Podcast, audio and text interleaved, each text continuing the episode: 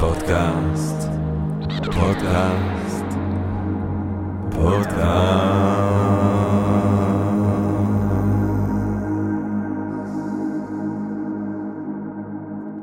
טוב, גבירותיי ורבותיי, ברוכות וברוכים הבאים לפודקאסט של Think and Ring Different, אני ג'רמי פוגל, ואנחנו רוצים קודם כל להודות לעצם היש.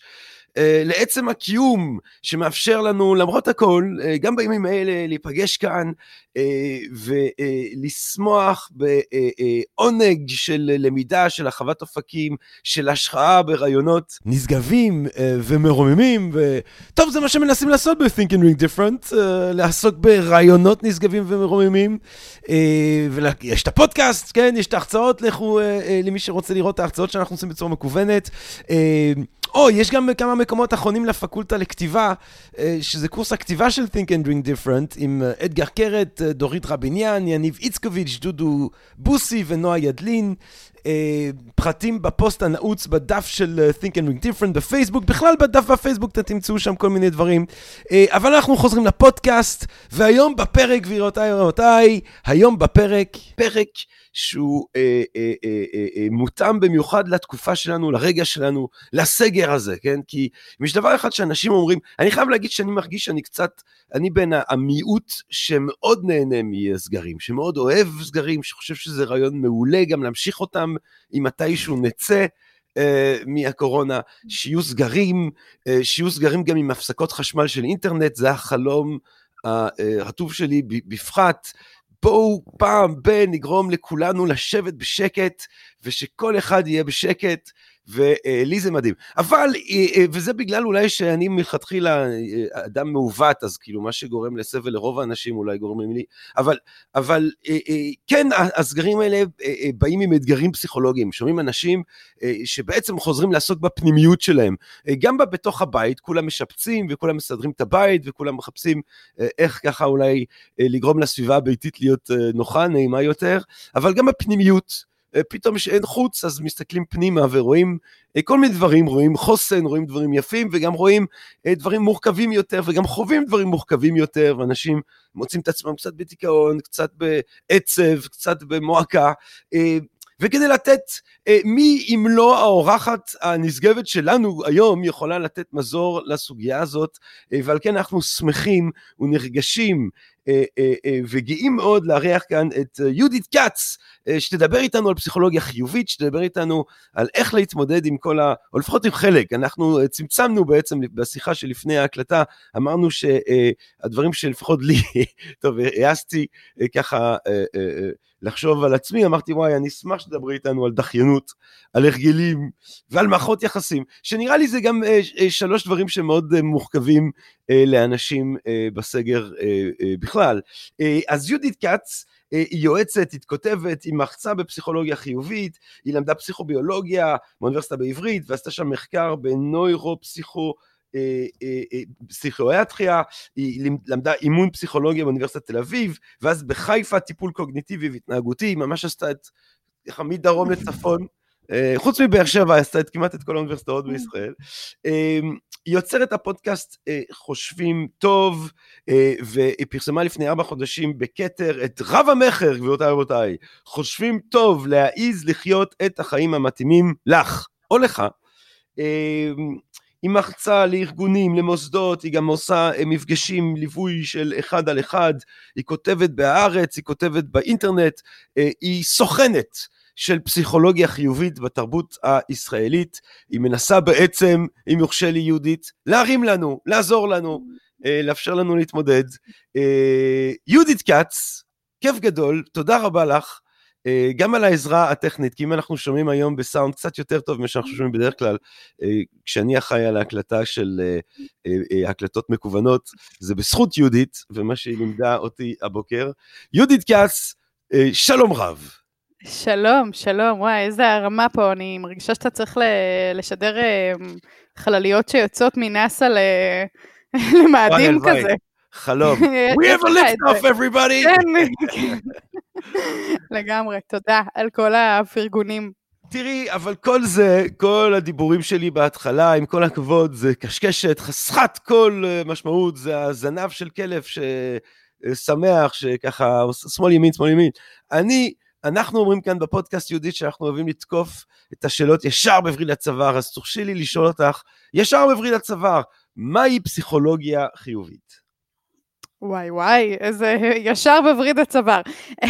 אז אה, פסיכולוגיה חיובית, בגדול זה ענף בתוך הפסיכולוגיה, אה, ממש כמו שיש פסיכולוגיה ארגונית, פסיכולוגיה קוגניטיבית, פסיכולוגיה חינוכית, יש פסיכולוגיה חיובית, שהמטרה שלה היא לחקור את התפקוד האנושי הטוב.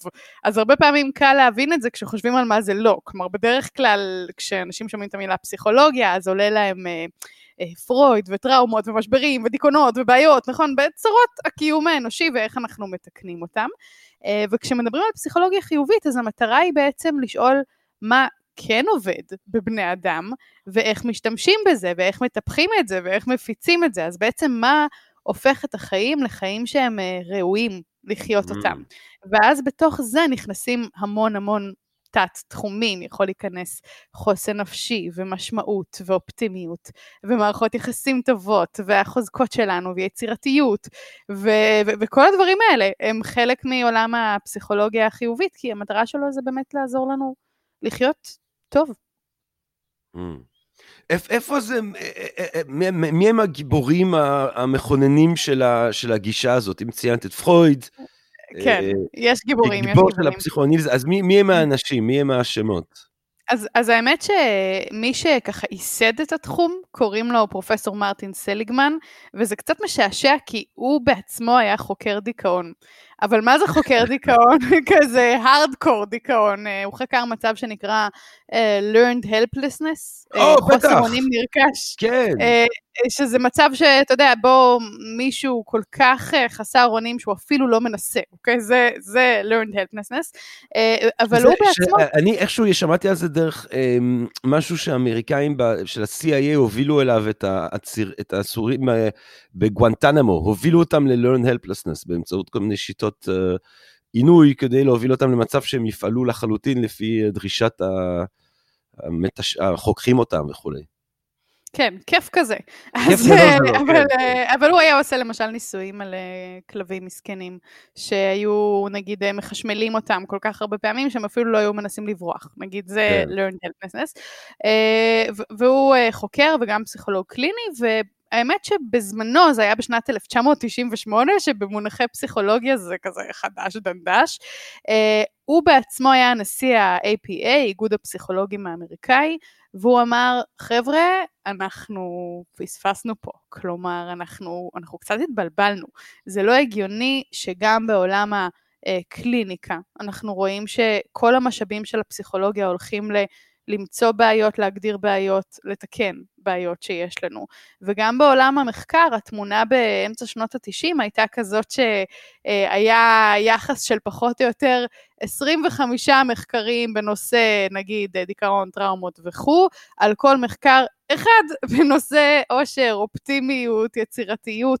זה, זה היה היחס של הפסיכולוגיה. אז הוא קם ואמר, הלו, אנחנו התבלבלנו כי אנחנו בני אדם זה לא רק אוסף של בעיות שיש לתקן, אלא יש גם טוב ואפשר להשתמש בו ולחקור אותו ולטפח אותו, וככה קם התחום של הפסיכולוגיה החיובית, אה, שעושה את זה באופן אה, קודם כל אמפירי, מדעי, ואחר כך מוצאים מתוך זה פרקטיקות שבתקווה אנשים אה, יכירו וישתמשו כדי לשפר את חייהם. אז אם באמת הפסיכולוגיה האמפירית, או הפסיכולוגיה החיובית מבקשת אה, להתמקד ולהתחיל את העבודה שלה אה, על בסיס מה שכן עובד אה, במנגנונים הנפשיים האנושיים, מה הם סוג הדברים שבהם היא מתמקדת? אתה אמרת כבר אופטימיות, לא... יצירתיות, אבל מה, מה בהם עובד? מה, מה בעצם הקריטריון למה נחשב לחיובי? אה, כי יש דברים שהם יותר גבולים, נגיד, יכול להיות ש, שנוסטלגיה למשל, או זה דבר שלילי, זה דבר חיובי, אה, כעס יכול להיות שלילי, אבל יכול להיות גם חיובי, זאת אומרת, מה הקריטריון בעצם, זה מאוד ברור, יצירתיות ואופטימיות, אני איתך, אבל, אבל מה הקריטריון למה הוא, למה הוא בעצם חיובי במנגנונים הנפשיים שלנו? כן, אז, אז קודם כל אני לא חושבת שיש איזה קו ברור שאנחנו יכולים להגיד אה, כעס זה חיובי עד אה, 0.957 ואחר כך זה הופך לשלילי, אלא בסוף אנחנו, אנחנו צריכים להסתכל על תמונה גדולה של תפקוד אה, גם מבחוץ וגם כמובן לשאול את הבן אדם איך הוא מרגיש, כלומר אין כאן איזושהי אמירה שהתחומים הפחות נעימים של החיים שלנו, כמו נגיד לכעוס או לקנא או להיות עצובים, הם לא חלק. כי, כי אמירה כזאת היא בסוף תוביל לאפקט פרדוקסלי של הרבה יותר סבל, ואת זה אנחנו יודעים אה, גם לפני הפסיכולוגיה החיובית וגם אחרי הפסיכולוגיה החיובית וגם בתוך הפסיכולוגיה החיובית, ש, שבסוף כל הרגשות שלנו הם לגיטימיים. אבל יש דרך יותר בריאה, נגיד, לבטא ולהתמודד עם כל רגש, ויש דרכים פחות בריאות, מן הסתם. אה, בן אדם שהוא כועס יכול חס וחלילה אה, להיות אלים כלפי אנשים אחרים, ובאופן מאוד ברור אנחנו נגיד, אה, זאת לא תוצאה חיובית של כעס, והוא יכול להיות שהוא ישים גבולות ברורים במערכות יחסים, או שהוא יארגן מחדש של מי הוא רוצה להיות בקשר, למי הוא לא רוצה להיות בקשר, מה הוא חשוב לו בחיים, אז, ואז זאת תהיה תוצאה נהדרת של כעס, שבאה לאותת על חוסר צדק ועל זה שאני חיה בצורה לא, לא נכונה, אז זה לא שאנחנו אומרים כעס לא, שמחה כן, אלא יותר שאלה של איך אני, איך אני חיה באופן שהוא אופן אה, מיטיב. אה, וכן, גם תחומי ההתעסקות, כלומר השאלה בכלל מה נותן לי אה, משמעות, או מה הם המערכות יחסים הטובות שלי, או מה מכניס אותי לפלואו בעבודה. זה שאלות שהן מסתכלות על הצד. המאוד uh, טוב של החיים, כי אני יכולה גם רק לשאול איך להפחית סבל, נכון? אבל זאת שאלה אחרת. מעניין. אז אה, לפני שככה נתחיל לגעת בכלים אה, שימושיים מעשיים ש, ש, ש, שהגישה הזאת מציעה לנו, סתם כדי לקבל אולי, ש... בגלל שבאמת אנחנו רגילים לחשוב על טיפול פסיכולוגי אולי שבן אדם נכנס, ואז באמת המטפלת או המטפל שואל או ינסה למצוא את, ה, את הקושי, את הבעיה, איך, איך, איך זה שונה כשנכנסים ל, לקליניקה או למשרד של מטפל בפסיכולוגיה חיובית? מה, מה בעצם נקודת הפתיחה של המפגש שלך נגיד עם אנשים שבאים אלייך? כן. האמת שיש ציר ממש נחמד שעושה קצת סדר, שאפשר להסתכל על זה שהפסיכולוגיה הקלאסית, נגיד היא לוקחת את האדם מ... מינוס שלוש לאפס. כלומר, היא אומרת, יש בעיה, נתקן אותה, עכשיו אתה סבבה. אה, והפסיכולוגיה החיובית, היא, היא אומרת, נגיד שאתה עכשיו על אפס, שלא טוב, לא רע, הכל בסדר, אה, בוא ניקח אותך לשלוש. אז, אה, אז זה אומר שגם התוכן שאנחנו נתעסק בו יהיה תוכן שונה, אבל כמובן גם שאוכלוסיית היעד יכולה להיות שונה. מישהו שהוא חס וחלילה סובל מדיכאון קליני ברמה שהוא לא יוצא מהמיטה. אנחנו לא נדבר איתו על פסיכולוגיה חיובית. כלומר, יש דברים שיוכלו כמובן לעזור לו ואפשר לקחת מזה ולשלב, אבל אני אגיד שזו לא אוכלוסיית היעד של התחום הזה, כי יש עוד איזה דרך לעשות קודם. כלומר, זה ממש כמו שאם ניקח איזו מטאפורה אחרת שהיא יותר uh, פיזית מהחיים, מישהו ש... שגר בבית, אז אני יכולה...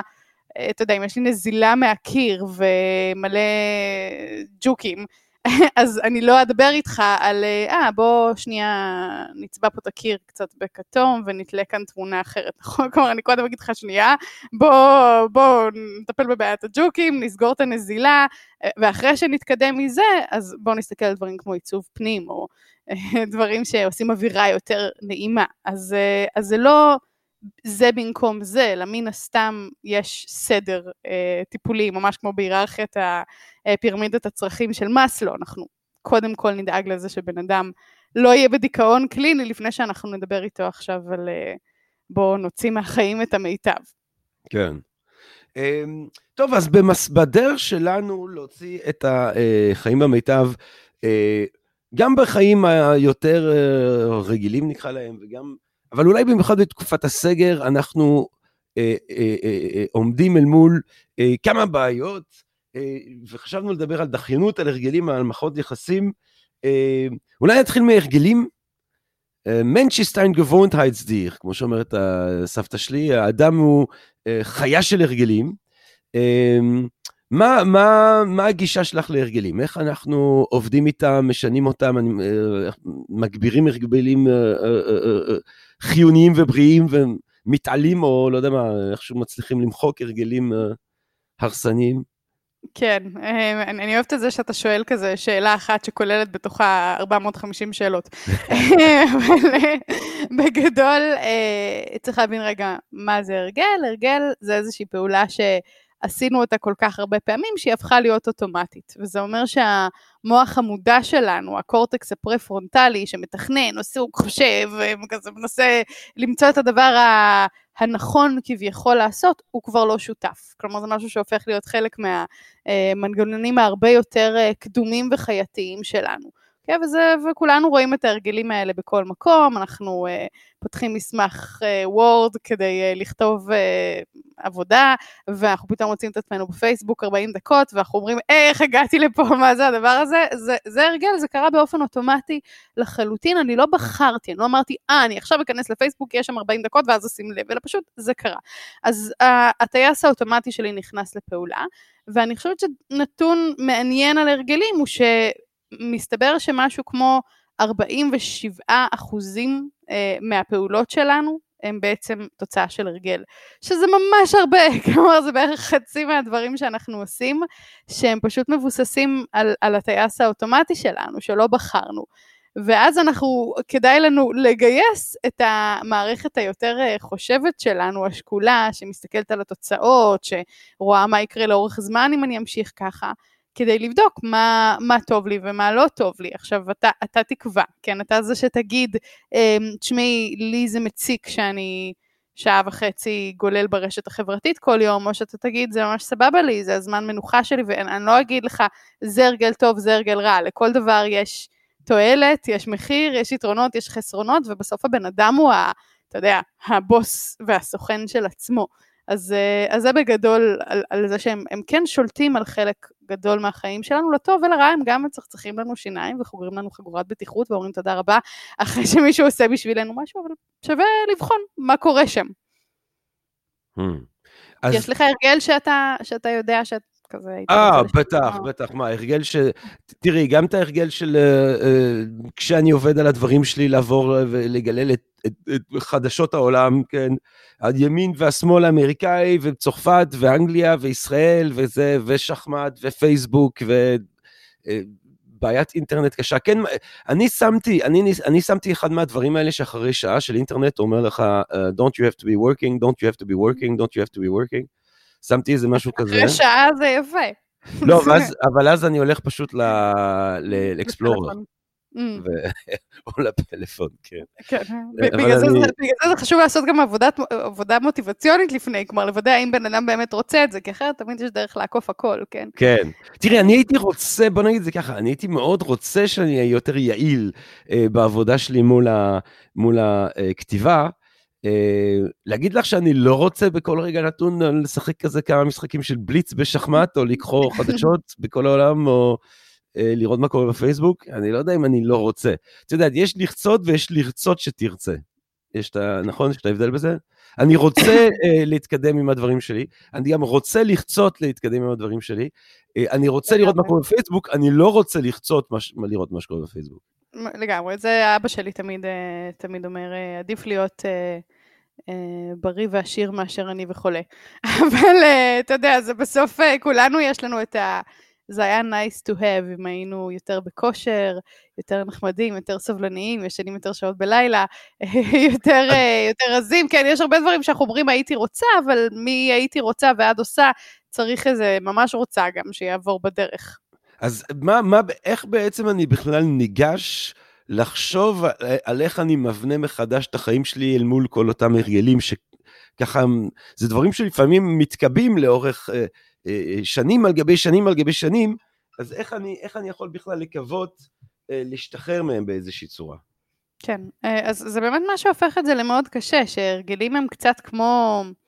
אני מקווה שהמטאפורה שלי לא תישמע קצת קטסטרופלית מדי, אבל זה קצת כמו איזה אה, נמר רעב שאורב לנו בפינה חשוכה, כלומר זה תמיד, אה, זה תמיד שם ההרגלים שהתקבעו במשך שנים, ו- וכמובן שכמה שנתרגל את זה יותר, אז אנחנו נרכוש הרגלים חדשים, אבל, אה, אבל זה שם. כלומר, ואנחנו מכירים את זה, נכון? כולנו מכירים את זה שעברנו תקופה שבה כן כבר, אה, נגיד, יצאנו לריצה שלושה חודשים כל יום, ופתאום זה נגמר, נכון? פתאום זה חזר לנטפליקס ואין לנו מושג איך זה קרה, אז, אה, אז, אז זה שם, ו- ואנחנו צריכים להיות בעבודה מתמדת כלפי האוטומטים שלנו. אה, אבל באמת הייתי קודם כל שואלת מה המטרה, כלומר, אה, והאם המטרה הזאת היא מטרה שהיא באמת מטרה שאתה רוצה, שמגיעה מתוך מוטיבציה פנימית. נגיד אנחנו מבדילים בעולם הפסיכולוגיה החיובית בין מוטיבציה פנימית למוטיבציה חיצונית. או, זה מעניין. כשמוטיבציה חיצונית זה כל מה שאתה עושה כי אה, זה נראה ממש טוב, אנשים יעריכו את זה, אתה תקבל על זה פרסים, הוקרה, כסף, אה, אם תסיים את הלימודים אז אחרי זה תתקבל, אה, כלומר, מין, by means to an end, כי סבתא תהיה מאוד גאה, כי אימא תהיה מאוד שמחה. אז אלה דברים שאנחנו עושים עם מוטיבציה חיצונית, וזו מוטיבציה שאנחנו יודעים ש... היא חלק מסט המוטיבציות שלנו, אבל יש לה פחות כוח מלמוטיבציה הפנימית שלנו, שאלה הדברים שאנחנו פשוט עושים כי ככה. כי זה מעניין אותי, כי אני אוהבת את זה, כי זה מסקרן אותי, כי זה בא מבפנים, והייתי עושה את זה גם אם אף אחד לא היה באידיאל, כן? גם אם אף אחד לא היה יודע מזה, לא היה משבח אותי, אה, לא הייתי מקבלת על זה כלום, פשוט זה חלק ממני, ממי שאני. אז כמובן שכמה שאנחנו נדבר על אה, מטרות שמגיעות מתוך מוטיבציה פנימית, אז הסיכוי שיהיה לי את הדלק בכלל ליפול ולקום ולהתאמץ, כי שינוי זה קשה, נכון? הנה, אנחנו מדברים פה, אתה אומר, יש הרבה דברים שהייתי רוצה לשנות, אבל, אבל זה, זה, זה קשה. אה, אז אנחנו צריכים, אה, צריכים להבין שהבן אדם באמת רוצה את זה, ואני לא אומרת באמת רוצה במובן שיפוטי, של אתה כן באמת רוצה או אתה לא באמת רוצה, אלא במובן של באמת מאיפה המטרה הזאת מגיעה. והאם יש לנו בכלל מספיק דלק, דלק כדי לנסוע עכשיו עד אה, אילת, נגיד. ו... אוקיי, אז, אז, אז, אז, אז הדבר הראשון את אומרת, בואו בוא נראה האם בחיים שלך אתה פועל מתוך אותן מוטיבציות פנימיות אל מול, אה, אה, אל מול אילוצים בעצם חיצוניים, אה, ומן הסתם ברגע שאתה תפעל או את תפעלי מתוך מוטיבציה פנימית, יהיה יותר, יהיה יותר מהדלק הזה שיאפשר לך להיות נגיד פרודוקטיבית בתוך הכיוון הזה, אה, אה, ואולי להתגבר על הרגלים שהם הרגלים שממסמים את, ה, את, ה, את המיקוד שלך, את, ה, את היעילות שלך, אבל עדיין, זאת אומרת, גם כשאני, אני כאילו יכול לדבר רק על עצמי, אבל גם כשאני עובד על דברים שהם נורא נורא חשובים לי, שהם דברים שלי, עדיין יהיה את הנזילה הזאת אה, אה, להרגלים שהם הרגלים של אה, מיסוך דעת ועצלנות ודברים כאלה. זאת אומרת, איך אני בכלל, מה, יש, מה, מה אני אמור, לומר, האם יש משהו שאני אמור לומר לעצמי לפני, האם יש לך איזשהו סוג של uh, טקטיקה שמפזרת את ההפגנה, כאילו, מה... כן, אה, אני חושבת שאפשר, אתה יודע, אפשר עדיין לחלק את זה להאם אנחנו עדיין נמצאים ברמת המוטיבציה או שאנחנו כבר ברמת המה עושים, אה, אבל אם אנחנו עדיין ברמת המוטיבציה, אז, אז יש גם את העניין של זה ש... כלפי כל שינוי אנחנו יצורים אמביוולנטיים, נכון? זה אף פעם לא כזה ברור, כי גם בן אדם שלא יודעת, ניקח דוגמה כמו אה, נגיד מעשן, סבבה? ו... והוא אומר מצד אחד, I know, אני יודע שזה לא בריא, ואני מכיר את כל המחקרים, וזה עולה לי מלא כסף, ויש המון מחירים שאנשים משלמים על, על עישון. אה, ומצד שני, יש גם הרבה תועלות בדבר הזה, ואנחנו לא יכולים להתכחש לזה. כלומר, יכול להיות שהבן אדם אומר, זה הזמן שלי רגע עם עצמי לעשות סטופ מהכל, וזה מחבר אותי נורא בקלות לאנשים אחרים, כי אז פתאום אה, יש את הקטע הזה של, אה, גם אתה מעשן וגם אני, ופתאום יש לנו איזו תחבורה שלנו שנוצרה מעצם איזו עשייה משותפת. אה, ואולי זה נראה לי נורא מגניב. כלומר, יש, יש פה תמיד, בכל שינוי, יש גם וגם. יש גם את, ה, את הרצון לה, להיטיב ולהסתכל על, אה, אתה יודע, מה שאולי הגיוני לעשות, לבין אה, עוד כל מיני דברים שנכנסים שם, הרגש שלנו, היתרונות של זה, ואנחנו צריכים קודם כל לפתור את הנקודה הזאתי. וזה שאני אבוא לבן אדם ואגיד לו, לא, עישון זה גרוע, זה גרוע לך, זה, זה, זה לא יעזור בשום דבר, כי הוא יודע את זה, גם בלעדיי, ויותר מזה, באופן פרדוקסלי, בדרך כלל כשאנחנו מצביעים לבן אדם על הסיבות שבגללן הוא צריך להשתנות, מה יקרה? אה, הוא לא ישתנה? הוא, הוא יגן על הצד השני, הוא יגיד אה. לא, אבל אני, אני, אני, זה נותן לי ככה, וזה נותן לי ככה, וזה נותן לי ככה, אז אנחנו אף פעם לא רוצים, בתור מי שנגיד מנסה לעזור בשינוי, להיות אלה ש, שמשכנעים, כי באופן פרדוקסלי אנחנו נגיע לתופעה, לתוצאה ההפוכה. אז אני, אני רוצה דווקא... שאת אומרת, זה דווקא להסתכל, אם, אם נלך עם הדוגמה הזאת של העישון, זה דווקא לבוא ולחפש מהם הדברים הטובים שהעישון נותן לך.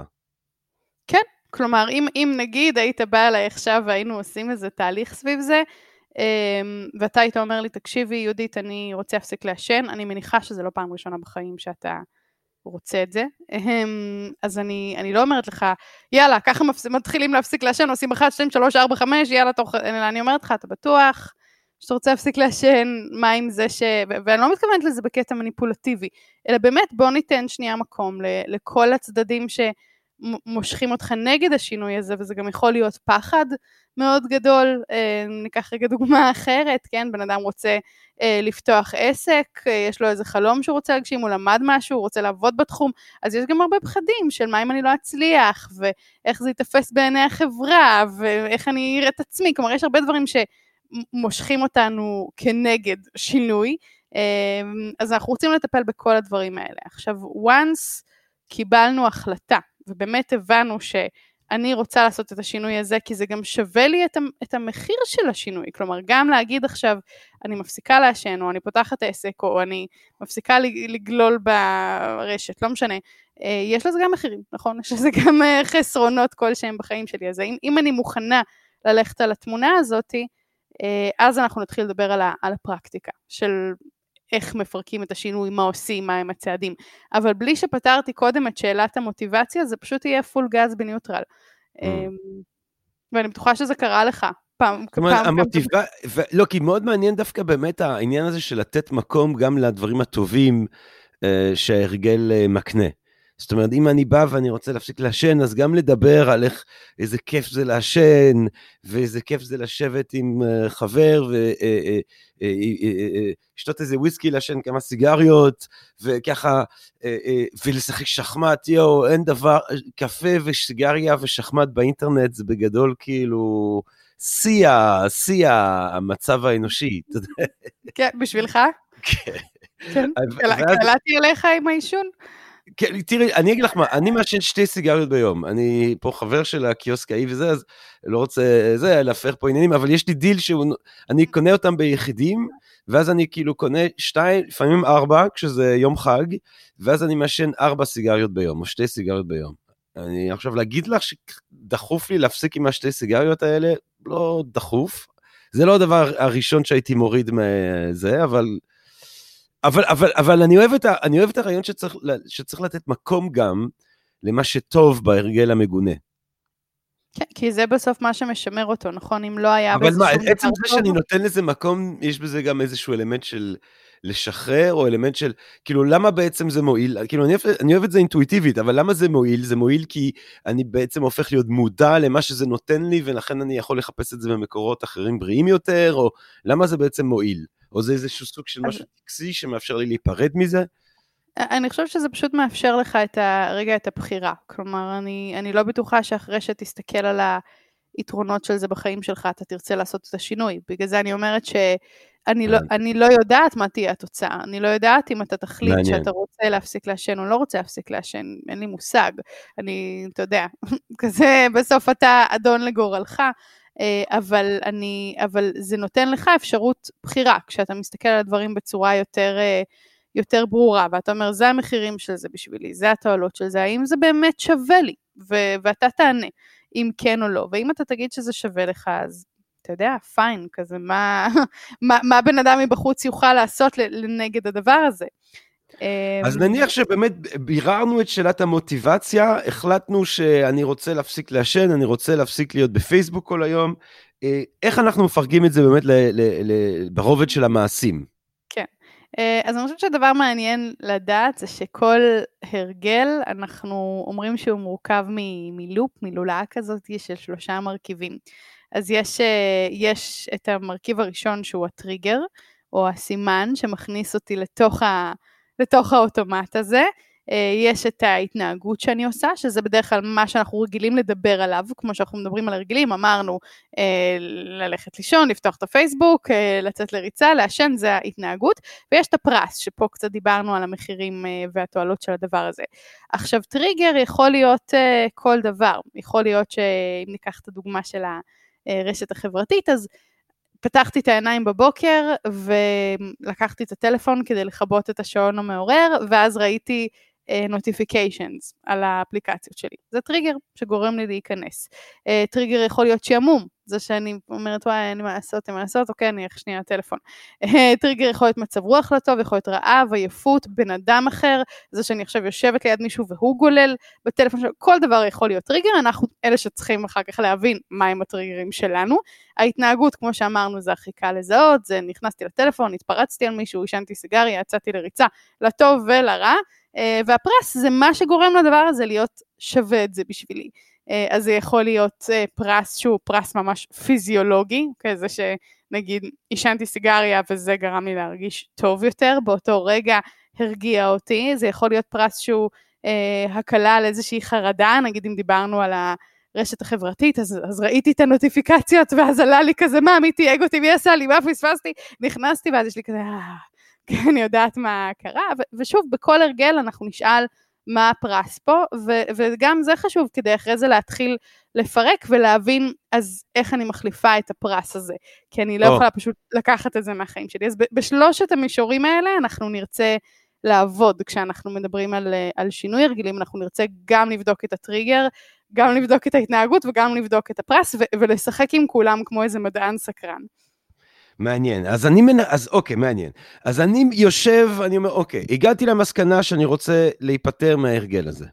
אה, וביררתי אה, את שאלת המוטיבציה, בשלב המעשה אני מתחיל לחשוב מהו הטריגר, אה, מהי, מהי טיבי ההתנהגות, ומהי, ומהו הפחס, ואז מה? ואז אני מנסה בעצם לראות אם אני יכול למחוק את הטריגר, זאת אומרת למחוק את הנוטיפיקציות למשל, אה, למשל, אז נגיד על טריגר, אם, אם אתה רוצה שכזה נעשה קצת זום אין לתוך כל אחד מהם. יאללה, זום אין, כן. אוקיי, סבבה.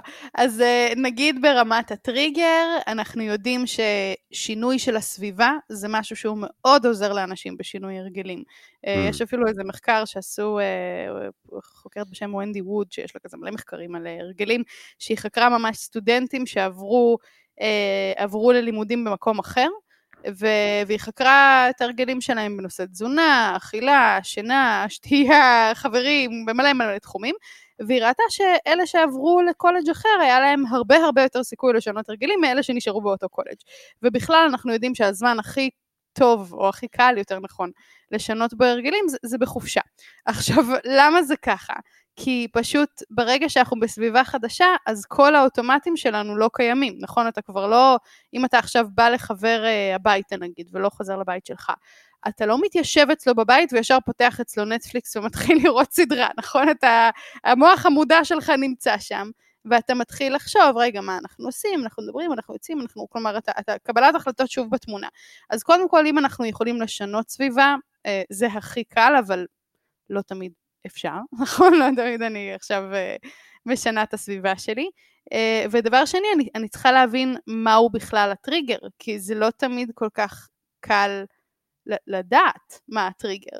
אמ, כמו שאמרנו, זה יכול להיות משהו שהוא, שהוא מצב רגשי שאני נמצאת בו, שאני מגיעה הביתה ואני כל כך אה, עייפה מכל מה שעברתי היום, ו... אה, לא יודעת, מותשת, זכותה, אה, עצובה, לא יודעת, איזשהו מצב נפשי שאני נמצאת בו, יכול להיות שזה הטריגר. ויכול להיות שזה משהו שהוא הרבה, הרבה הרבה יותר אה, קיו שיש בסביבה, נגיד זה שהטלוויזיה כבר דלוקה. אוקיי? ואז אני באה ושנייה בודקת מה זה, ובשביל לדעת מהו הטריגר אני צריכה לעשות ניסויים אה, ולהתחיל לבודד אה, משתנים. אני צריכה להגיד, אוקיי, אם אני חושבת שזה עייפות, אז בואו נראה מה קורה אם אני אה, ישנה יותר שעות בלילה. או בואו נראה מה קורה אם אני חוזרת מיום שהוא היה לי כיף ומרענן ונותן לי אנרגיה. אם אני חושבת שזה משהו בסביבה, כלומר, אני צריכה ממש להתחיל לשחק עם זה כמו, כמו איזה מדען, כדי לראות, לראות מה מכניס אותי ללופ הזה. ואז ברגע שאני יודע לבודד את ה... את הטריגר, שאני מבין אולי מה זה הטריגר, אז הדבר השני שדיברנו עליו זה התנהגות. כן, וההתנהגות זה, זה החלק שהוא בדרך כלל יותר קל לאנשים להגדיר מה ההתנהגות, לאו דווקא לשנות אותה, אבל להגדיר מהי ההתנהגות שיש כרגע ומה ההתנהגות הרצויה. אמ, ו, וכאן אני יכולה ממש לעשות לעצמי מין כמו חוקים כאלה של אם אז, נגיד, אה, אם אני נכנסת הביתה ואני מרג... כזה עייפה, אה, אז במקום לעשות את הדבר הרגיל שאני עושה, אני מחליטה מראש מהו החוק. אני שמה נעלי ספורט, יוצאת לחמש דקות הליכה. או אני מתקשרת לחברה, מספרת לה מה עבר עליי. כלומר, ממש להחליט מראש מה תהיה ההתנהגות המיטיבה, ועדיף לבחור משהו שהוא קטן, כי אחרת זה לא יהיה ריאלי. כלומר, להגיד עכשיו, אה, אז אני מתחילה לכתוב את עבודת הדוקטורט שלי, כנראה שלא. אז אה, משהו שהוא קטן, ואני מנסה להטמיע אותו בתור התחלה כדי... כדי לשנות את ההתנהגות שלי. זאת אומרת, לא, לא הבנתי, אני בעצם צריך לחשוב על התנהגות פוזיטיבית אחרת כדי לצאת מהלופ שמוביל אותי להתנהגות שממנה אני רוצה אה, להשתחרר? כן, אז יש לך אפשרות או לחשוב על התנהגות מחליפה שהיא יותר מיטבית בשבילך לפי מה שאתה מגדיר, אה, או שזה גם יכול להיות להפחית חלק מההתנהגות. נגיד אני, אנחנו, אם אתה עכשיו אה, אה, רואה, לא יודעת, חמש שעות סדרות ביום וזה מפריע לך, אז אני יכולה להגיד שההתנהגות שלי מתחילה להיות מהפחתה, שאני עוברת לארבע וחצי שעות של צפייה בסדרות ביום. כלומר, זה לא חייב להיות משהו אחר, זה יכול להיות גם הפחתה הדרגתית וגם אה, החלפה למשהו אחר. דרך אגב, אם, אם נחזור לדוגמה של העישון קודם, אז אנחנו, אנחנו מכירים את כל הטיפים האלה, נכון? שאומרים לאנשים, בואו תחליפו את זה בסיגריה אלקטרונית, במדבקות ניקוטין, למה עושים את ההחלפות האלה? כי, כי, כי זה קשה פשוט לקחת את זה וזהו, אלא מנסים לייצר איזשהו תחליף. ואז אנחנו מגיעים לפרס. שהפרס, פה אנחנו מבינים, אנחנו מנסים להבין באמת מהו הפרס בשבילי, וגם כאן אני צריכה את הניסוי והטעייה, כי אפילו אם ניקח משהו כמו אה, כל יום במשרד, אני הולכת, ובמשרד, כן, אני פה בחזון אחרית הימים שחזרנו למשרד, אבל אה, אני, אני עוברת ואוכלת אה, איזה עוגייה, נגיד עם קפה עם חברה, אז, אה, וזה נגיד שזה מפריע לי, אז אני לא יודעת אם הפרס פה הוא זה שאכלתי משהו מתוק, זה שעשיתי הפסקה, זה שדיברתי עם חברה, נכון, אין לי מושג בכלל מה הפרס פה. אז גם כאן צריך קצת להתחיל לשחק עם זה אה, בניסוי וטעייה ולראות מה עדיין נותן לי את התחושה הזאת, מה משנה אותה, איך אני יכולה לתת לעצמי את הפרס בדרך יותר מיטבית, וזה שוב ישפיע גם על הבחירה של ההתנהגות, כי אם אני מבינה שהפרס כאן הוא זה שבכלל דיברתי רגע עם חברה והתקרבנו, אז אני יכולה גם לבחור התנהגות אחרת שישר תיתן לי את הפרס הזה, נכון? Mm. וזה גם מתחבר קצת לשאלת המוטיבציות שלנו. אני מקווה שלא בלבלנו פה יותר מדי. טוב, חבר'ה, לא, לא, להפך. אני חושב, אה, חברים, הנה, אני, אה, אה, אנחנו הולכים עכשיו לסכם לכם. מי שרוצה או לבחון שינוי בהרגליו או הרגליה, א', מהו הטריגר? לנסות לבודד את הטריגר, ב', אה, לחשוב על התנהגות, אה, אה, לחשוב על ההתנהגות עצמה, אולי אפשר להפחית אותה, אולי אפשר לחשוב על התנהגות חלופית. ג', ברגע שהצלחתם לבודד את הפחס, אולי אפשר להגיע לאותו הפחס באמצעים שהם פחות אכסניים. כן, אני שוב מרגישה כאילו אנחנו בנאסא, ממריאים. ממריאים לעבר שינוי ההרגלים. א', ממריאים מעבר לשתירבות. תראי, זה דבר מאוד גדול, באמת. כן. שינוי הרגלים, או היכולת לנווט את עצמנו לקראת הרגלים שהם הרגלים שאנחנו מרגישים שהם מטיבים יותר עם מטרותינו הקיומיות, זה קריטי. זה אולי, זה ליפט אוף שאולי אה, לא פחות משמעותי אה, מאשר אה, זה שמוביל אותנו לירח. לגמרי, לגמרי. אה, טוב, אז אם דיברנו על הרגלים, אמרנו שגם נדבר על דחיינות. עכשיו, זה, תוך כדי השיחה על ההרגלים, אני כל הזמן אמרתי, וואלה, זה מעניין, כי דחיינות זה מרגיש כמו משהו שהוא מאוד קרוב לזה. דחיינות זה סוג של הרגל.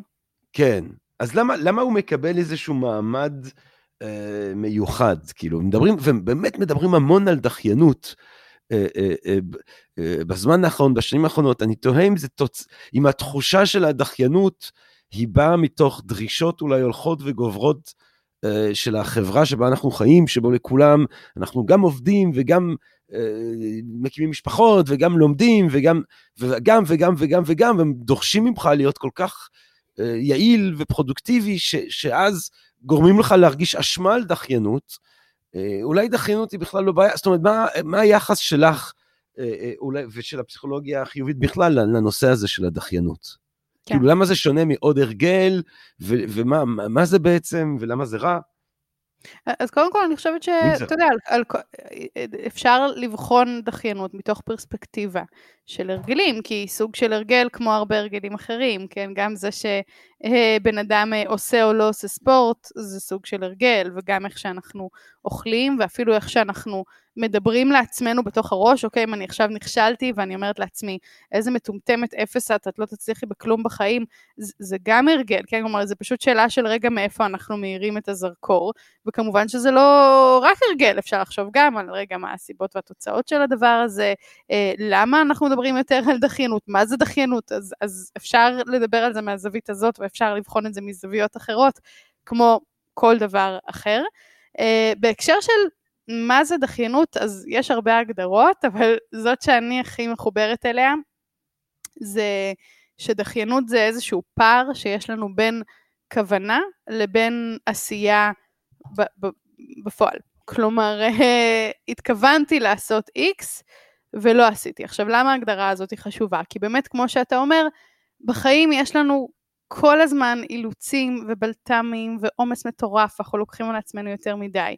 ואם נגיד אה, קבעתי איתך את השיחה הזאת שלנו, ונגיד שהתקשרו אליי היום בבוקר ואמרו לי, אה, תקשיבי, את חייבת לבוא לאיזושהי אה, בדיקה רפואית סופר חשובה, והייתי מתקשרת אליך חמש דקות לפני ואומרת לך, תקשיב, אני חייבת לדחות את השיחה. היית קורא לזה דחיינות? לא. לא, נכון? כי, כי לא, לא כל דבר שאנחנו דוחים זה דחיינות. נכון. אבל מתי, מתי זה כן דחיינות? אם הייתי, אתה יודע, מגיעה לחמש דקות לפני השיחה ואומרת, וואי, אני לא מרגישה מוכנה, אני לא מרגישה בטוחה, אני לא יודעת איך זה יצא, אה, או סתם אין לי כוח, כן, או כל סיבה אחרת, ואז הייתי אומרת לך, תקשיב, בוא נדחה. Uh, והייתה לי כוונה להשתתף בשיחה הזאת, אז אנחנו כבר נדבר על עולמות הדחיינות, כן. כי יש פה איזשהו uh, פער בין מה ש... אמרתי כאילו, אצלי, אתה יודע, אני חושב שביטוי מוחשי אצלי זה שיש נגיד איזה מייל שאני צריך לשלוח ואני יכול לא לשלוח אותו שבועות. עכשיו, זה מייל שלוקח לי רבע שעה של עבודה, ואני לא עושה אותו. או דברים עם המיסים, רואה חשבון שאני כל כך אוהב, שלום, אני אומר לו שלום אם הוא שומע. אני כאילו הבן אדם הכי גרוע בעולם. רואים חשבון, מפטרים אותי. כאילו, אני מחצה וזה, אז אני עצמאי, אה, ואני צריך להביא דברים, וזה, ואני לא, לא עושה את זה חודשים, אני דוחה דברים חודשים, וזה כל כך חשוב לעשות את זה, וזה לא לוקח כל כך הרבה זמן, ואני עושה כל מיני דברים אחרים שחלקם חסרי כל משמעות, ודווקא המייל שאני צריך לשלוח, או הניירת שאני צריך לסדר, זה דברים שהם ממש אבל שבועות על השעון, כאילו. אני יכול לדחות אותם ללא שום סיבה הגיונית, כאילו. אה, למה ללא שום סיבה? נשמע שזו משימה שממש לא כיף לך לעשות. נכון. אה, אולי אתה לא יודע איך עושים אותה, אולי היא מפחידה אותך, אולי היא פשוט ממש משעממת אותך, אולי אתה תמיד חושב שיש לך משהו יותר מעניין, יותר פרודוקטיבי, יותר חשוב אה, לעשות. כן, מה זה אין סיבה? יש סיבה. Mm. מעניין. כלומר, אתה אומר, אם הייתי יצור לגמרי הגיוני, הייתי אומר, יאללה, ג'רמי, תפס על עצמך, אתה עושה את זה חמש דקות, ונוריד את זה. נגיד בנוגע לניירות, לניירות כן. המיסים וזה, אז אתה אומר, טוב, בסדר, זה יכול להיות שזה פשוט משעמם לי את הצורה. אבל גם חלק מהמיילים האלה שאני דוחה, מיילים של דברים שנורא חשובים והם נורא מרגשים אותי. כן. אמ, אני חושבת שזה אחד הדברים המעניינים בדחיינות, שזה באמת דחיינות זה לא רק סיפור על אה, אוי, לזרוק את הפח זה מגעיל, אז אני לא זורקת את הפח, או קיבלתי עבודה ב- בלימודים בסטטיסטיקה ואני שונאת סטטיסטיקה, אז כלומר זה לא רק סיפור על משימות שאין לי כוח לעשות, אני יכולה גם לדחות את הדברים שהם החלומות הכי גדולים של החיים שלי, ואנחנו mm. רואים את זה, נכון? לגמרי. שאומרים, יש לי חלום, נגיד אני ממציאה, לנסוע לטיול מסביב לעולם, והם דוחים את זה משנה לשנה. יש לי חלום לפתוח, לפתוח עסק. כלשהו, לצאת לעצמאות, ואני דוחה את זה משנה לשנה, ו- ו- ואין פה משהו שהבן אדם אומר, זה מגעיל אותי, אני לא אוהבת את זה, זה בירוקרטי, כאילו, אתה יודע, משהו שכזה הוא ההסבר הקל, אלא יש הסברים קצת יותר מורכבים, ואני זוכרת סיפור של מישהי שהם... אה, פעם ליוויתי אותה, שהיא הייתה אה, עורכת אה, דין, והיא הייתה ממש עורכת דין לפי כל, אתה יודע, כללי הסטריאוטיפ, כמו שאתה מדמיין כזה, עורכת דין מהטלוויזיה. כלומר, הייתה לבושה תמיד כזה טיפ-טופ, שיער מהודק, אוזניית בלוטות', הייתה מגיעה לפגישות בכזה תשע בערב אחרי 15 שעות עבודה בערך ביום, סופר רצינית, סופר, באמת, כזה דמיין את הטיפוס. והיה לה חלום אה, לפתוח איזשהו עסק ללימודי אה, קרמיקה, או דברים שקשורים לכזה קראפט של אומנות. והיא כבר התקדמה עם זה בהרבה מישורים, היא פתחה אתר, היא היה לה המון ניסיון בזה, זה היה תחביב שלה, אבל היא כל פעם לא השיקה את האתר הזה, וכל פעם היה לה סיבה אחרת. מישהי העתיקה ממנה וזה עצבן אותה, האינטרנט קרס, היה עומס בעבודה, אתה יודע, מיליון סיבות שאנחנו יכולים uh, להסתכל עליהן. ורק כשהסתכלנו על הדבר הזה בעיניים והבנו שיש כאן סיפור על פחד, אה, זה לא סיפור על זה שהאינטרנט קרס ועכשיו בדיוק קרה משהו והרואה חשבון הוא לא לא לא לא לא לא יש כאן סיפור על זה שהיא עורכת דין, מצליחה נחשבת עם ראש המסוים, הופכת לאיזה אמנית, שזה כאילו להחליף, אה, להחליף פאזה, נכון? אה, וזה נורא הפחיד אותה, הדבר הזה. ורק כשאתה נוגע בפחד הזה, אז אתה יכול להתחיל להתמודד איתו. וזה, שוב, זה לא דחיינות במובן של אה, יואו, אין לי כוח אה, לשלוח מייל לרואה חשבון שלי. ואני יכולה לשתף אותך שגם בחיים שלי, רק ברגע שזיהיתי אה, שיש פחד אמיתי מסביב לדברים שהם, שהם משמעותיים בשבילי, אה, שדחיתי אותם הרבה זמן, נגיד הספר זה היה ככה. אז, אה, אז, אז יכלתי להתחיל להתמודד עם זה, כי זה, זה מעניין אותך שאני אספר לך על, ה, על הספר? ועוד איך, ועוד אוקיי, איך. סבבה. אז, אז אני זוכרת שרציתי להתחיל לכתוב ספר בערך בינואר 2016. זה היה כזה, אוקיי, החלטתי, אני הולכת לכתוב ספר. אגב, החלטות שדיברנו על הרגלים, הייתה החלטה. ואמרתי, טוב, אני מתחילה בפסח. ובפסח לא התחלתי, היה משהו אחר, אמרתי אני עמוסה, אני עסוקה, אני מתחילה בקיץ, ובקיץ לא התחלתי, היה משהו אחר. וככה דחיתי את זה מחודש לחודש לחודש לחודש. מתישהו קלטתי שעברו שנתיים, אמ, הספקתי להתחתן, לעבור שתי דירות, לטייל מסביב לעולם, ללדת ילד, להקים פודקאסט, כלומר קרו מלא דברים בחיים שלי, אבל לא כתבתי מילה בספר הזה, לא פתחתי אפילו קובץ וורד שנקרא הספר ושמרתי אותו ריק כלום. ו- ו- והייתי צריכה להודות ביני לבין עצמי שזה לא הסיפורים האלה של אה אני עמוסה אני עסוקה אני לא לא לא לא לא אלא יש כאן משהו שהוא מעבר לזה. יש כאן משהו שזה מפחיד אותי. זה מפחיד אותי שאני לא אצליח. זה מפחיד אותי ש... מה זה, למה זה יהפוך אותי? לכאילו סופרת, זה איזה ביטוי מפחיד כזה, ומה יש לי לחדש, שלא אמרתי במקומות אחרים, ומיליון פחדים. אה, ואנחנו כולנו מפחדים מהצלחה, מכישלון, ממה יגידו עלינו, ממה, אפילו, אפילו מהצלחה, כן? אם אני אצליח, איך זה ישנה את החיים שלי? מה זה יעשה? לאן זה ייקח אותי? זה איזה חוסר ודאות כזה. אה, אז רק כשהודיתי ביני לבין עצמי, אני זוכרת שעשיתי ממש כזה תרפיה, והחלטתי להתחיל לדבר על הפחד הזה, והייתי ממש mm. מספרת, mm. אגב, בהרצאות על דחיינות, אז הייתי ממש מספרת לאנשים, אני יהודית ואני דוחה את הספר שלי כתוצאה מפחד, עדיין לא כתבתי כלום. כזה, יוצאת עם זה שנייה החוצה. ו... מעניין. אולי דו, דווקא זה שהוצאת את זה ממך בכל ההרצאות האלה שוב ושוב, אה, וזה כאילו עשה לזה איזשהו... בסוף זה, זה, זה מה שעזר לך אה, להתגבר על זה. כאילו, פשוט אמרת את הפחד, ואז אולי באיזשהו שלב זה כבר פחות מפחיד. לגמרי, כלומר, אני חושבת שיש משהו במוכנות להיות uh, פגיעה. שאנחנו מבינים ש, שפגיעות ואומץ ופחד הם כולם חיים מתחת לאיזו אותה קורת גג, אה, ורק כשאנחנו מוכנים להכיר בזה אז, אז אפשר, אפשר להתקדם ולהגיד כן אני בן אדם, יש דברים שמפחידים אותי, אה, זה היה אחד מהם. ו, ואז גם הדרכי פעולה הופכות להיות יותר, אה, יותר ברורות, כי מבחינה התנהגותית אין פה איזה סוד, נכון? כאילו מה צריך כדי לכתוב ספר? צריך לשבת ולכתוב, נכון? כלומר זה לא, אה, אין כאן איזה פיצוח אטומי לעשות, אלא, אבל באמת מה שהיה פיצוח מבחינתי היה המוכנות אה, להרגיש את הפחד הזה, להגיד אני mm. עכשיו כותבת ספר. ואני מפחדת, ואני מפחדת לפני, ואני מפחדת תוך כדי, ואני מפחדת בעמוד הזה, ואני מפחדת בעמוד הבא, ואני מפחדת כשהוא יוצא, ואני מפחדת אחרי שהוא יוצא, כאילו זה מין המוכנות אה, להבין שחיים משמעותיים, או לעשות משהו שהוא משמעותי לנו, זה, זה בא עם דיל עם, ה, עם הפחד. תגידי, יהודית, מה את עושה uh, בתוך uh, פסיכולוגית חיובית, uh, מכל ההשערות באמת הפרוידיאניות, אה, שנגיד אה, אה, דחיינות, אפשר לחשוב על זה כאל סוג של התנהגות אובססיבית קומפולסיבית כזאת, שאני תמיד חייב לחזור לאותם אתרים במקום ללכת ולכתוב את המיילים שלי, וזה ביטוי לתסכולים מיניים שלא באים לידי ביטוי מודע וכולי, וזה זה משהו שיש לך זמן אליו, כמו שאומרים באנגלית, או זה משהו שאת אומרת, mm, בניסיון שלי, בסוף יש איזשהו פחד, יש משהו שהוא אה, אה,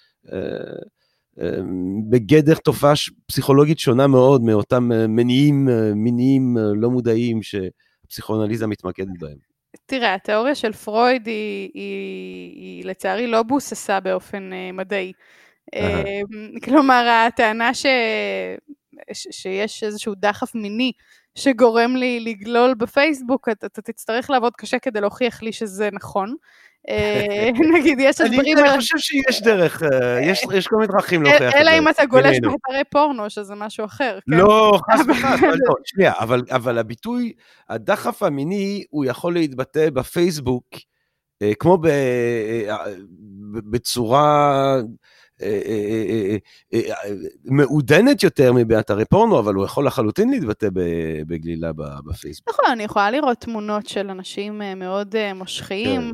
אה, כמובן שאני יכולה לחבר הכל להכל, אבל אני כן ארצה בעבודה איתך להבין שזה זה, כלומר יכול להיות שאנחנו נבין שבאמת אתה גולל ורואה אה, אנשים שאתה מאוד נמשך אליהם ושזה מספק לך, כלומר, יכול להיות, כן? אבל... לא, אבל אני חושב שזה יותר, כאילו לפחות זה, זה יהיה יותר מורכב, זה, זאת אומרת, אני, אני כל היום קורא את ynet בגלל uh, משיכה מינית שלא בא לידי ביטוי. זאת אומרת, זה לא כן. לא שאני יושב ו... כן, טוב, לא משנה, אבל כן. אז אני, אני, אני פחות... את פחות, את פחות שם, כאילו. קנדידט לזה. שוב, זה לא שאני, אני לא באה להגיד שבטיפול פסיכואנליטי, אה, כן. אין, אין ערך או משמעות. אני ספציפית על התיאוריה דחפים של פרויד אומרת שהביסוס המדעי שלה הוא, הוא לא קיים. רעוע. לא רק רעוע, אלא לא, לא הוכח מעולם.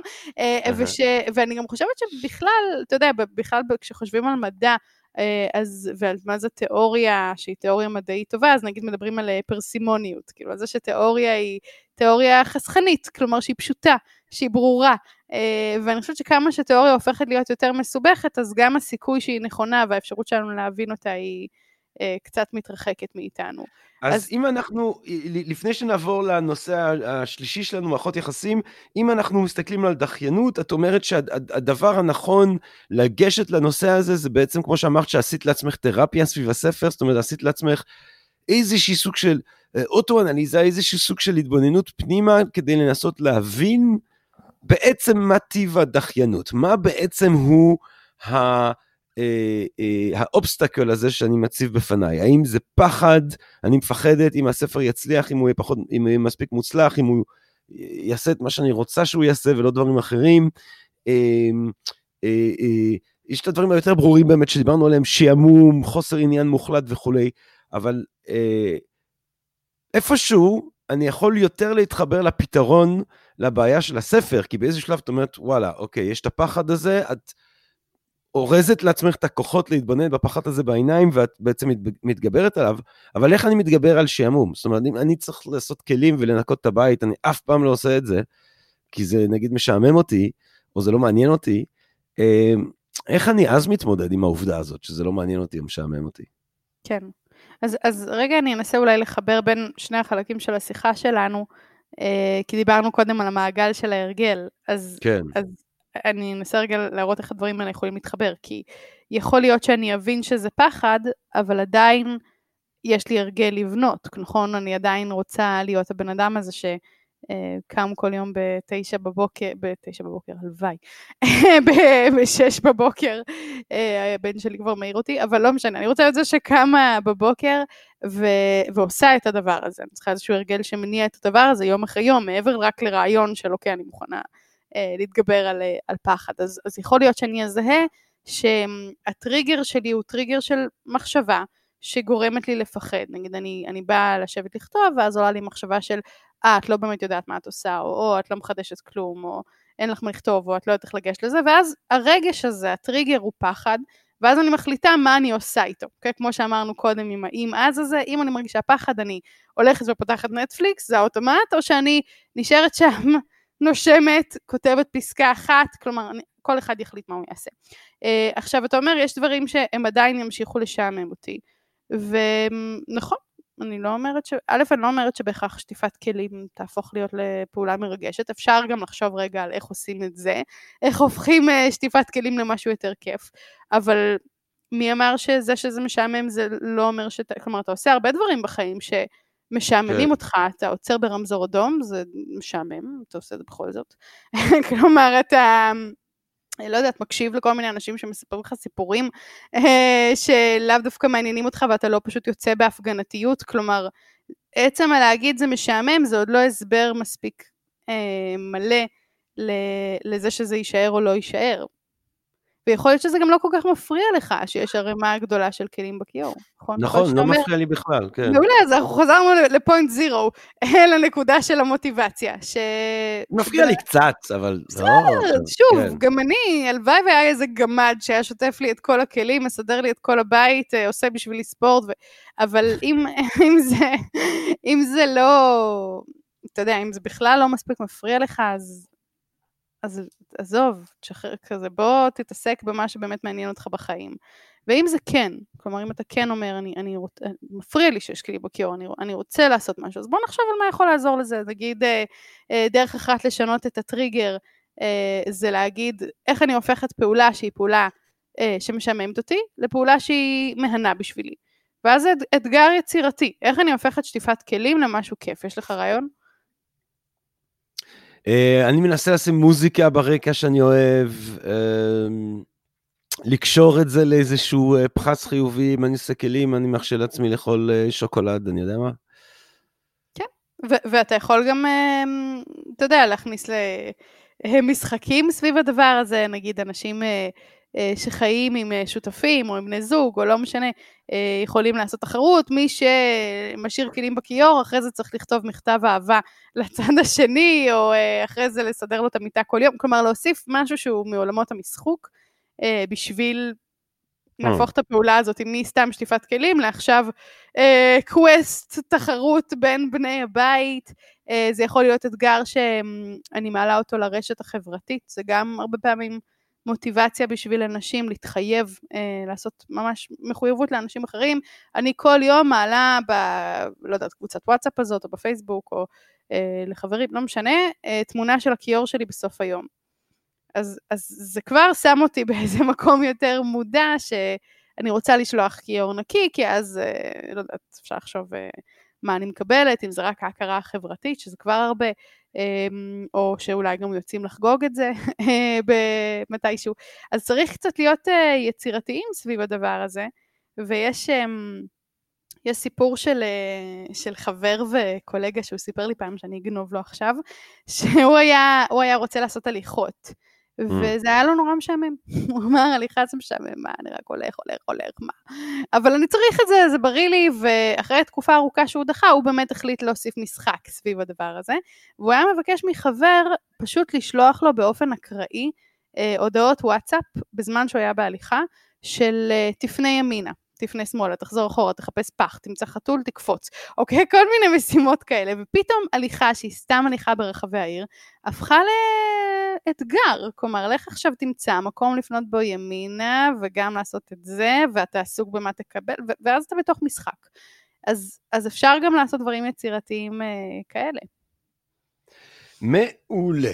טוב, אנחנו uh, עוברים, uh, uh, uh, יהודית, לנושא השלישי שלנו, של uh, אתגרי הפסיכולוגים של הסגר, uh, מערכות יחסים. Uh, אנחנו, כן, כבר הפך להיות קצת קלישאה של הקורונה, להגיד שיש uh, אנשים שמצאו את הזוגיות שלהם מחדש ופורחים, ויש אנשים שמתגרשים.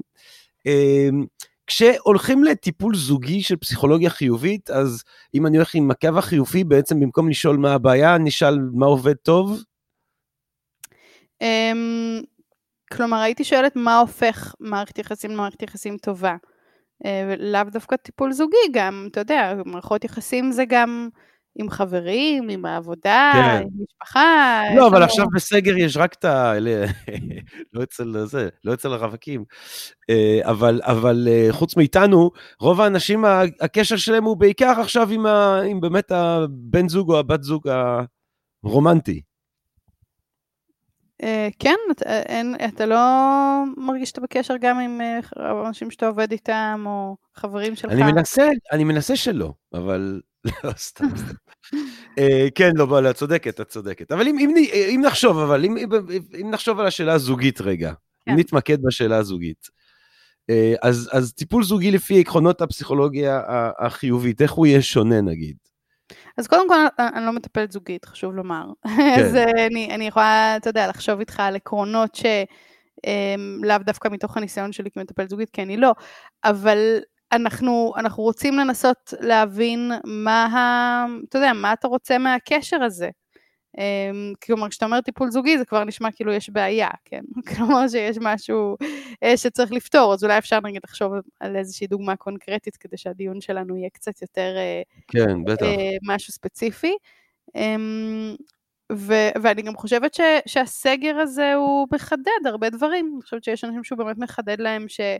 אה, זה קשר, אה, יכול להיות שהם מבינים שזה קשר ממש טוב, שעד עכשיו לא בילינו מספיק זמן ביחד, או שכמה אה, התרחקנו, כלומר פתאום זה שאנחנו בבית ואנחנו הרבה יותר ביחד, אז אני, אני מבינה כמה לא דיברנו עד עכשיו, ואולי זה עושה לי מוטיבציה לשנות ולשפר, ואולי אני גם מבינה שהי, זה ממש לא הבן אדם שאני רוצה לחיות איתו, מה אני עושה פה? כזה משיחה את דעתי עד עכשיו במקומות אחרים ובעבודות, אבל ברגע שאני נמצאת עם הבן אדם הזה, אני מבינה שזה לא המקום שלי. אז, אז זה לא רק רע הסגר הזה, כן? אני חושבת שהוא... הוא מראה כואבת, ש... או, או מראה חזקה, שיכולה להיות כואבת, ויכולה גם להוביל להרבה החלטות אחרות, אה, שינוי אורח חיים, מחדד הרבה דברים. Mm. ומה, מה, אז, אז אם אני חושב על, על, באמת על כל מערכות יחסים, אם זה אנשים מעבודה, אם זה משפחה, אם זה חברים, אם זה אה, אה, אה, אה, אה, בת זוג, אה, אבל זאת אומרת, כי, כי הרי התחלת ואמרת שאנחנו לא במינוס שלוש עד אפס, אנחנו באפס עד שלוש. כן. עכשיו אם אני מסתכל סביבי, אני אומר לא, בסך הכל אני מאוד אוהב את החברים שלי, אני מנסה להיות בן משפחה טוב, אני... אה, אה, מסתדר עם אנשים בעבודה, אה, נגיד אני, אני על האפס הזה או אני על האחד, איך, איך, מה, מה, מה הדברים שמובילים אותי לשלוש? מה, על איזה סוג של דברים את מסתכלת במהלך הזה מהאפס עד שלוש בתחום הזה של מערכות יחסים? כן, אה, אז למשל אני יכולה לשאול כמה השיחות שלנו הן שיחות אה, משמעותיות, אמיתיות, חשופות, פגיעות, וכמה, אתה יודע, אני יכולה לבלות שבועות ברק לדבר עם... בן הזוג שלי הלוגיסטיקות של אה, מי מוציא את הילד מהגן, מי שוטף כלים, מתי עושים מה, מה עם ההחלטה הזאת שאנחנו צריכים לקבל, אפשר להעביר ככה בכיף, חיים שלמים, יש הרבה על מה לדבר, הרבה דברים לעשות, וזה ירגיש מאוד לא משמעותי. ואני יכולה לשאול, רגע, מה, מה אם לשאול אותו רגע, מה שלמה, איך הולך לו בעבודה, לשתף אותו בדילמות שיש לי, אה, בלדבר על הקשר עצמו. אז, אז קודם כל, התוכן של מה אנחנו מדברים עליו, אה, זה תוכן שמעניין לבחון אותו, וכמובן שבזוגיות יש הכל מהכל, אי אפשר גם להגיד אנחנו לא עושים לוגיסטיקות, אבל... אה, אבל כמה יש גם את הצד השני, שכשהיינו זוג טרי, זה זה היה בעיקר רק זה, נכון? רק השיחות והנכיר, ולחלוק מחשבות ופילוסופיות, אה, ופשוט להיות ביחד, בכיף, ו- וכמה זה קיים היום בתוך קונטקסט שהוא נגיד קונטקסט של יש משפחה ויש עבודות ויש גם סגר, אז זה מוסיף מלא אה, עומס לתוך המערכת הביתית. אה, אז זה דבר אחד. דבר שני זה כמה אנחנו בכלל נמצאים ביחד. וזה שאנחנו באותו בית זה לא אומר שאנחנו ביחד. כמה זמן? והרבה זוגות, אנחנו נופתע לשמוע שהם לא מבלים ביחד, או שהם מבלים ביחד רק מול הטלוויזיה, שאפשר להטיל על זה סימן שאלה ולשאול האם זה באמת אה, כזה תקשורת אחד עם השני, או, ש, אה, או שזה משהו אחר, שאני לא אומרת שצריך להעלים אותו, אבל איפה, ה, איפה המינון של זה שאנחנו יחידה משותפת שמתפתחת, איפה הדבר הזה מקבל ביטוי. ו, וזה באמת יותר קשה בתקופה הזאת, כלומר אני יכולה לשתף אותך ש... אה, לפני כל הקורונה, היה לנו ממש ימים קבועים של דייטים שבועיים, וכל כל, אמ, פעם היינו חושבים מראש מה נעשה, וחוויות משותפות ודברים חדשים, ו, וזה נורא חשוב לקשר. ואז מתחילים סגרים, ואי אפשר לצאת, ואי אפשר זה, ואי אפשר זה, ואי אפשר זה, ואי אפשר זה. וזה זה, זה פוגע, כלומר צריך להיות מאוד יצירתיים. כדי למצוא את אותו, אותה אנרגיה גם בתוך הבית מחדש. אמ, בשביל, בשביל לשמור על הדברים האלה שמחיים את, את הקשר, ולא רק משאירים אותו על כזה טי. מה, נו, ואיזה סוג של דברים uh, מצאת, אם יורשה לי לשאול? Uh, איזה סוג של דברים מצאתי? אז, אז הרבה חזרה לטבע, אני חושבת שכמו הרבה אנשים ש...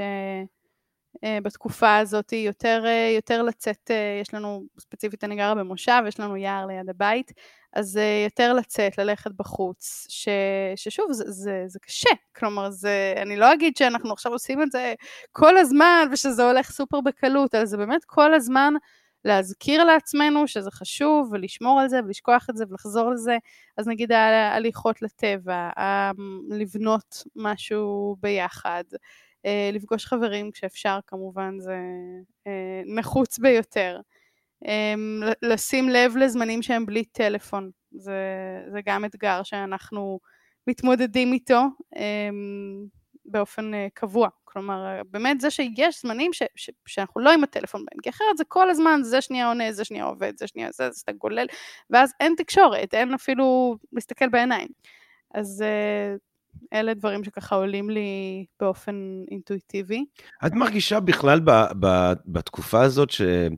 אה, זאת אומרת, כאישה שגם, אה, אה, שגם מלווה אנשים בתהליכים שלהם וכולי, יש יותר traffic? כאילו, יותר אנשים באים אלייך בניסיונות לפתור מצוקות שלהם בתקופת הקורונה, מאשר לפניה? ראית איזשהו הבדל באופן שבו אנשים באים, בכמות ובאופן ובטיב התהליכים שהם נזדקקים אליהם?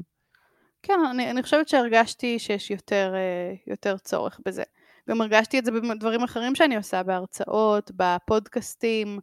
אמ, כן, כלומר, אני חושבת שהתקופה הזו פשוט הציפה הרבה מאוד אה, דברים, וגם מצד שני נתנה לאנשים יותר חופש, אתה יודע, לקבוע פגישות באמצע היום, ולא רק אה, אחרי שעות העבודה בערב, אז, אז לטובה ולרעה, כלומר, אנחנו יודעים את זה גם ממחקרים ש...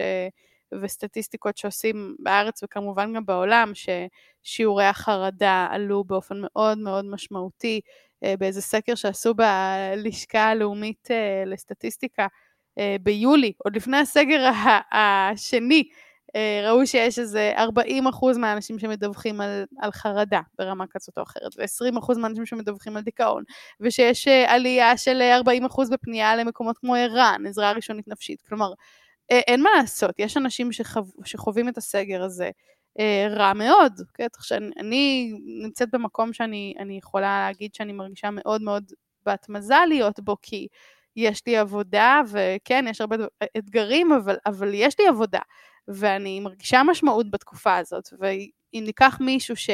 כל העבודה שלו פשוט לא מתקיימת כרגע, וזו יכלה להיות עבודה מאוד משמעותית כן. ומאוד מספקת. כן, לא, זה קשה, זה נורא. זה, כן. זה נורא קשה להיות uh, מעבר ל... אני, אני אפילו שמה בצד את הדאגות הכלכליות, שזה קושי ענק בפני עצמו. כן. נגיד שאפילו אני מקבלת כסף מהמדינה, נגיד. אז עדיין התחושה הזאת, מי... הייתי בן אדם מסוגל שעשה דברים, שייצר ערך בעולם. לאני רואה את עצמי יושבת בבית ומחכה, וזה מאוד מנוון, וזה קשה. אה, אז, אז כן, יש, יש לא מעט טריגרים בתקופה הזו, וגם יש אנשים שפורחים מזה, שאומרים, אה, ah, וואו, אני רק עכשיו מבינה כמה שעות השקעתי בהתניידות בדרכים ולעמוד בפקקים כן. ולהתעסק בדברים שאני בכלל לא רוצה להיות בהם, ומה מכל מה שלקחו ממני, אני אומרת, אה, זה חסר לי, נגיד אצלי, אני יכולה להגיד, מערכות יחסים, מערכות יחסים, מערכות יחסים, דפנטלי, אני חסר לי, אני רוצה לפגוש את חברים שלי יותר ממה שאני יכולה לפגוש אותם כרגע, הרבה יותר. Uh, ויש דברים שאני אומרת, אוקיי, באמת שלא כזה רע גם לנסוע פחות בכל הארץ ולעמוד בפקקים, וזה סבבה, וכשהתקופה הזאת תעבור, אז אנחנו נרצה גם לשמר את, את מה שהבנו גם בשמחה וגם בכאב לחיים שלנו. אמן, אמן, אמן, אמן. אמן. אה, אה, תראי, אה, אה, אה יהודית, היה לנו אה, אה, באמת כמו איזה שוק, ש, אה, אה, אה, סופרמרקט של תובנות שאפשר לבחור מהם. אה, אה, אה, ונושאים שאפשר לבקש את, ה, את הייעוץ ואת היחס שלך, אבל טוב, אמרנו שנצטמצם לשלוש תחומים, אז דיברנו על דחיינות, או, התחלנו עם הרגלים, דיברנו על דחיינות, דיברנו גם קצת על מערכות יחסים, אבל יש עוד עולם ומלואו מן הסתם של מחשבה ושל הכוונה שהשיטה הזאת של הפסיכולוגיה החיובית מציעה, אז אנחנו כמובן אומרים שכל המאזינות והמאזינים שלנו שנהנו מהשיחה הזאת, אה, תבדקו את הספר, תקראו את הספר של יהודית אה, אה, בהוצאת כתר, חושבים טוב להעיז לחיות את החיים המתאימים לך או לך. ואולי עוד איזה דבר סיכום ככה ליהודית, יש לך איזשהו פנינת, פנינה של חוכמה ככה להשאיר, לתת, להעניק לקהל הקדוש שלנו כאן בפודקאסט של Think and Read Different? פנינה של חוכמה. אני חושבת שהתקופה הזאת, אם אנחנו עדיין בקונטקסט הזה של השיחה, אז, אה, אז אני חושבת שהתקופה הזאת היא באמת אה, מלמד, מלמדת ומזכירה לנו הרבה דברים שידענו אותם קודם, כן? היא לא, לא חידשה או המציאה תופעה, אבל זה שבסוף החיים הם, הם משהו באמת באמת דינמי, אה, שמשתנה לנו כל הזמן. אגב, הרגלים, אז... פתאום נהיה חורף, פתאום עברתי דירה, פתאום אני כבר לא באיזה מערכת יחסים, כל הזמן דברים משתנים, והרבה מהאפשרות שלנו להתקדם היא באמת לשמור על הגמישות הזאת ולהגיד איך אני, איך אני עושה את מה שחשוב לי עכשיו, ואיך שאפשר לעשות את זה עכשיו, איך אני מקבלת את המצב במקום אה, להיאבק איתו ולכעוס עליו כדי להתקדם, כדי להגיד, אוקיי, אז בתקופה הזאת אני אעשה את זה ככה.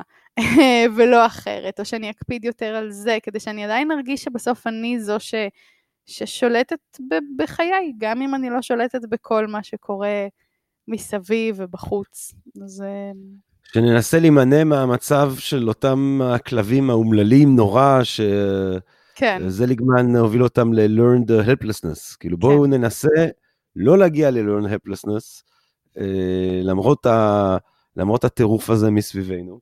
אמ, יהודית כץ, אני רוצה ממש ממש ממש להודות לך. תודה. אה, על זה שהתעלת על הדחיינות אה, אה, של כולנו, והסכמת לבוא ולהיפגש ולדבר איתנו כאן בפודקאסט של Think and Ring Different, אני ממש מודה לך על הנדיבות שאיתם את הרשית, הרשית לי ככה לנסות ולמצוא מזור לכל הקשיים האלה סביב התנהגויות דחייניות והרגלים כאלה ואחרים, אה, ומערכות יחסים מן הסתם.